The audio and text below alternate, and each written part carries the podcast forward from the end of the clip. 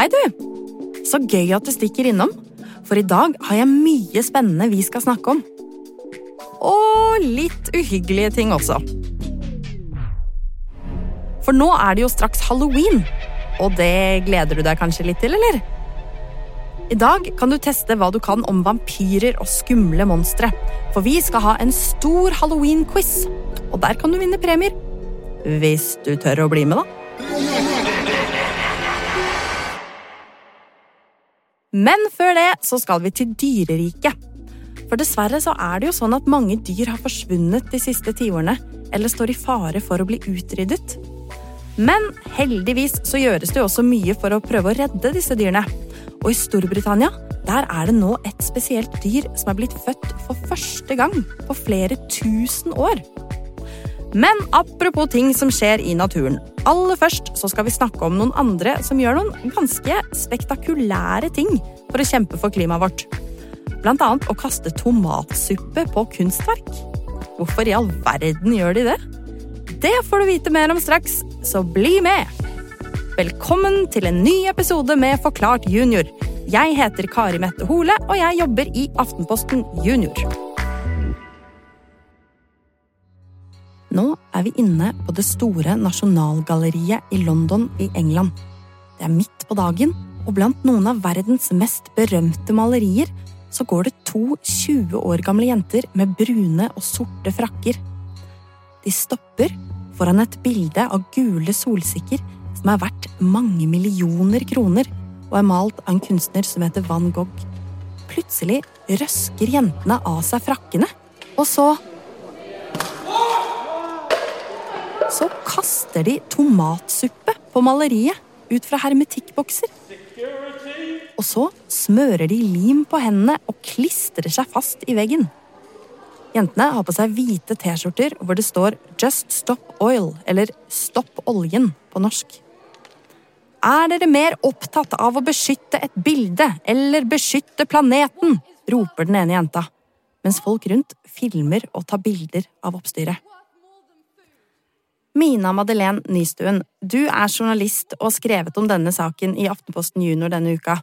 Og disse jentene i London de er ikke de eneste som har kastet matvarer og griset til kunstverk nå i det siste. Hva er det som skjer, egentlig? Nei, det stemmer. I Tyskland var det noen som smørte potetstappe på et maleri. Mens i Frankrike fikk kanskje verdens mest kjente maleri, Mona Lisa, det som så ut som hvit kakeglasur utover hele seg. Og dette gjøres av aktivister. Ja, og aktivister det er jo altså personer som gjør forskjellige ting for å kjempe for en sak. Det kan jo være å gå i demonstrasjonstog på Karl Johan i Oslo eller skrive et innlegg i avisen. Men noen, som disse suppekasterne, de går jo altså mye lenger. Ja, og dette er gjerne unge folk som er sinte fordi de mener politikerne ikke gjør nok for å redde klimaet. Slike aksjoner gjør de da for å få oppmerksomhet rundt klimasaken. Men hjelper det egentlig klimaet at noen kaster suppe på dyre malerier? Vi har spurt Ståle Prestøy. Han er en del av gruppen Stopp oljeletinga i Norge, og de samarbeider med den gruppen som kastet tomatsuppe på maleriet i London.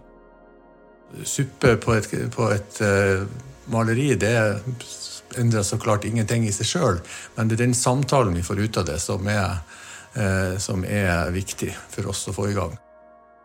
Det gjør vi fordi vi ønsker å um, få bildet vårt i eh, media, på TV og i aviser, sånn at folk kan begynne å snakke om dette her. Hvorfor gjør vi det? Og hva er bakgrunnen? Hva er det vi ønsker å, å si? Og det vi ønsker å si, er jo at uh, politikere og media og samfunnstopper ikke tar det, den situasjonen vi er i, på, på langt nær alvorlig nok. Maleriene var beskyttet av glass, så de ble ikke ødelagt. Og Prestøy sier at de ikke er ute etter å ødelegge kunst. De to jentene i London ble likevel arrestert av politiet, fordi det er ikke lov å ta på kunst inne i museet. Vi vet at det vi holder på med, det, det kommer til å få folk til å bli sint, men det får også veldig mange til å tenke seg, tenke seg om og prøve å undersøke mer hvordan de kan få gjort noe med dette her. Eller bidra til å gjøre det. Men Mina, det er jo også mange som blir sinte av å høre om unge mennesker som protesterer med å gjøre ulovlige ting. Hva sier de? Det er noen som mener at aktivistene rett og slett ikke får oppmerksomhet for klimasaken. Folk er liksom mer opptatt av det de har gjort som ikke er lov. Mange mennesker blir bare irriterte på dem, og derfor lærer vi kanskje ikke mer om klimasaken, som jo er det aktivistene vil.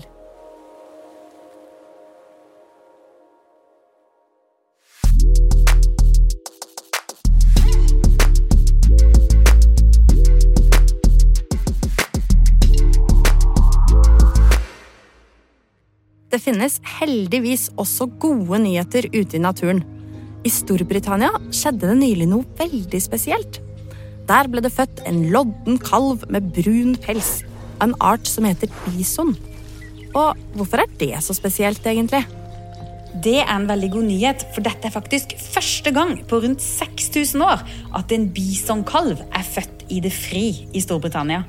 Bisonoksene ble nemlig helt utrydda hun du hører her, heter Margrete Lindebø Skeie, og hun jobber i Aftenposten Junior. Og Margrete, du har snakket med en ekspert om dette her.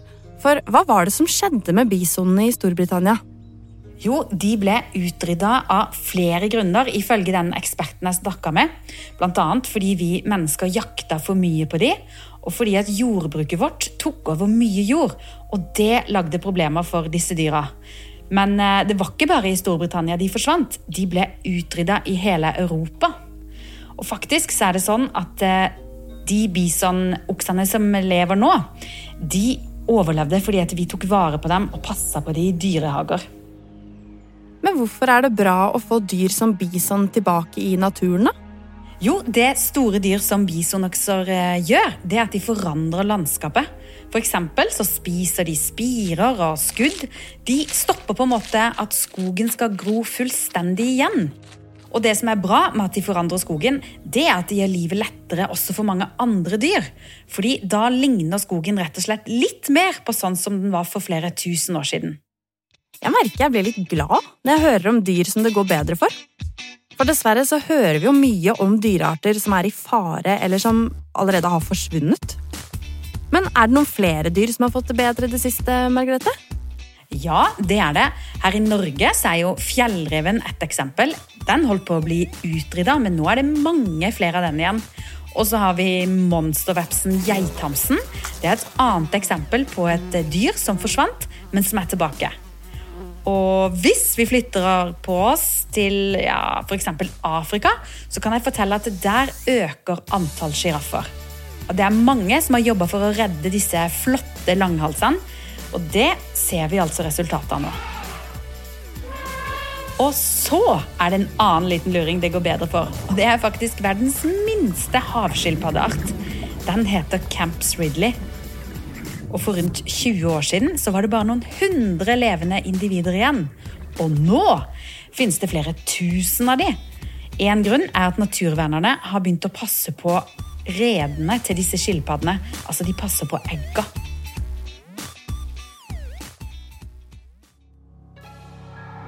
Kan du mye om monstre, hekser og skumle historier? Det kan du få testet deg på nå, for nå skal vi ha halloween-quiz! Du skal få fem spørsmål av meg som du må skrive ned svaret på. Og Så tar du den første bokstaven i hvert ord og setter de etter hverandre. Og da får du et løsningsord. Ok, da kjører vi på! Første spørsmål. Hva kaller man knask eller knep på engelsk? Hmm. Hmm. Spørsmål to. Hvilket land kommer vampyren grev Dracula fra? Spørsmål tre. Her skal vi fram til det engelske navnet på en stor, fæl skapning som spiser mennesker. De finnes bl.a. i eventyr og i flere spill, og det er det som Shrek er. Hva heter denne skapningen på engelsk? Neste spørsmål. Hva heter uhyret som lever i en innsjø i Skottland? Femte og siste spørsmål. Hvilken adelig tittel bruker Voldemort? Klarte du å svare på spørsmålene og finne løsningsordet? Da kan du være med i trekningen om å vinne en kul premie. Så send svaret ditt på en e-post til post krøllalfa aftenpostenjunior.no. Og vinneren forrige uke, det var ni år gamle Simen fra Kragerø. Gratulerer!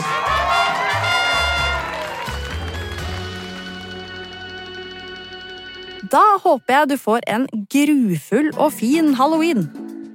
Takk for at du hørte på denne episoden av Forklart junior. Vi høres igjen neste uke. Podkasten er produsert av Truls Rokiki og Filt. Jeg heter Kari Mette Hole, og Mari Midtstikken er vår ansvarlige redaktør.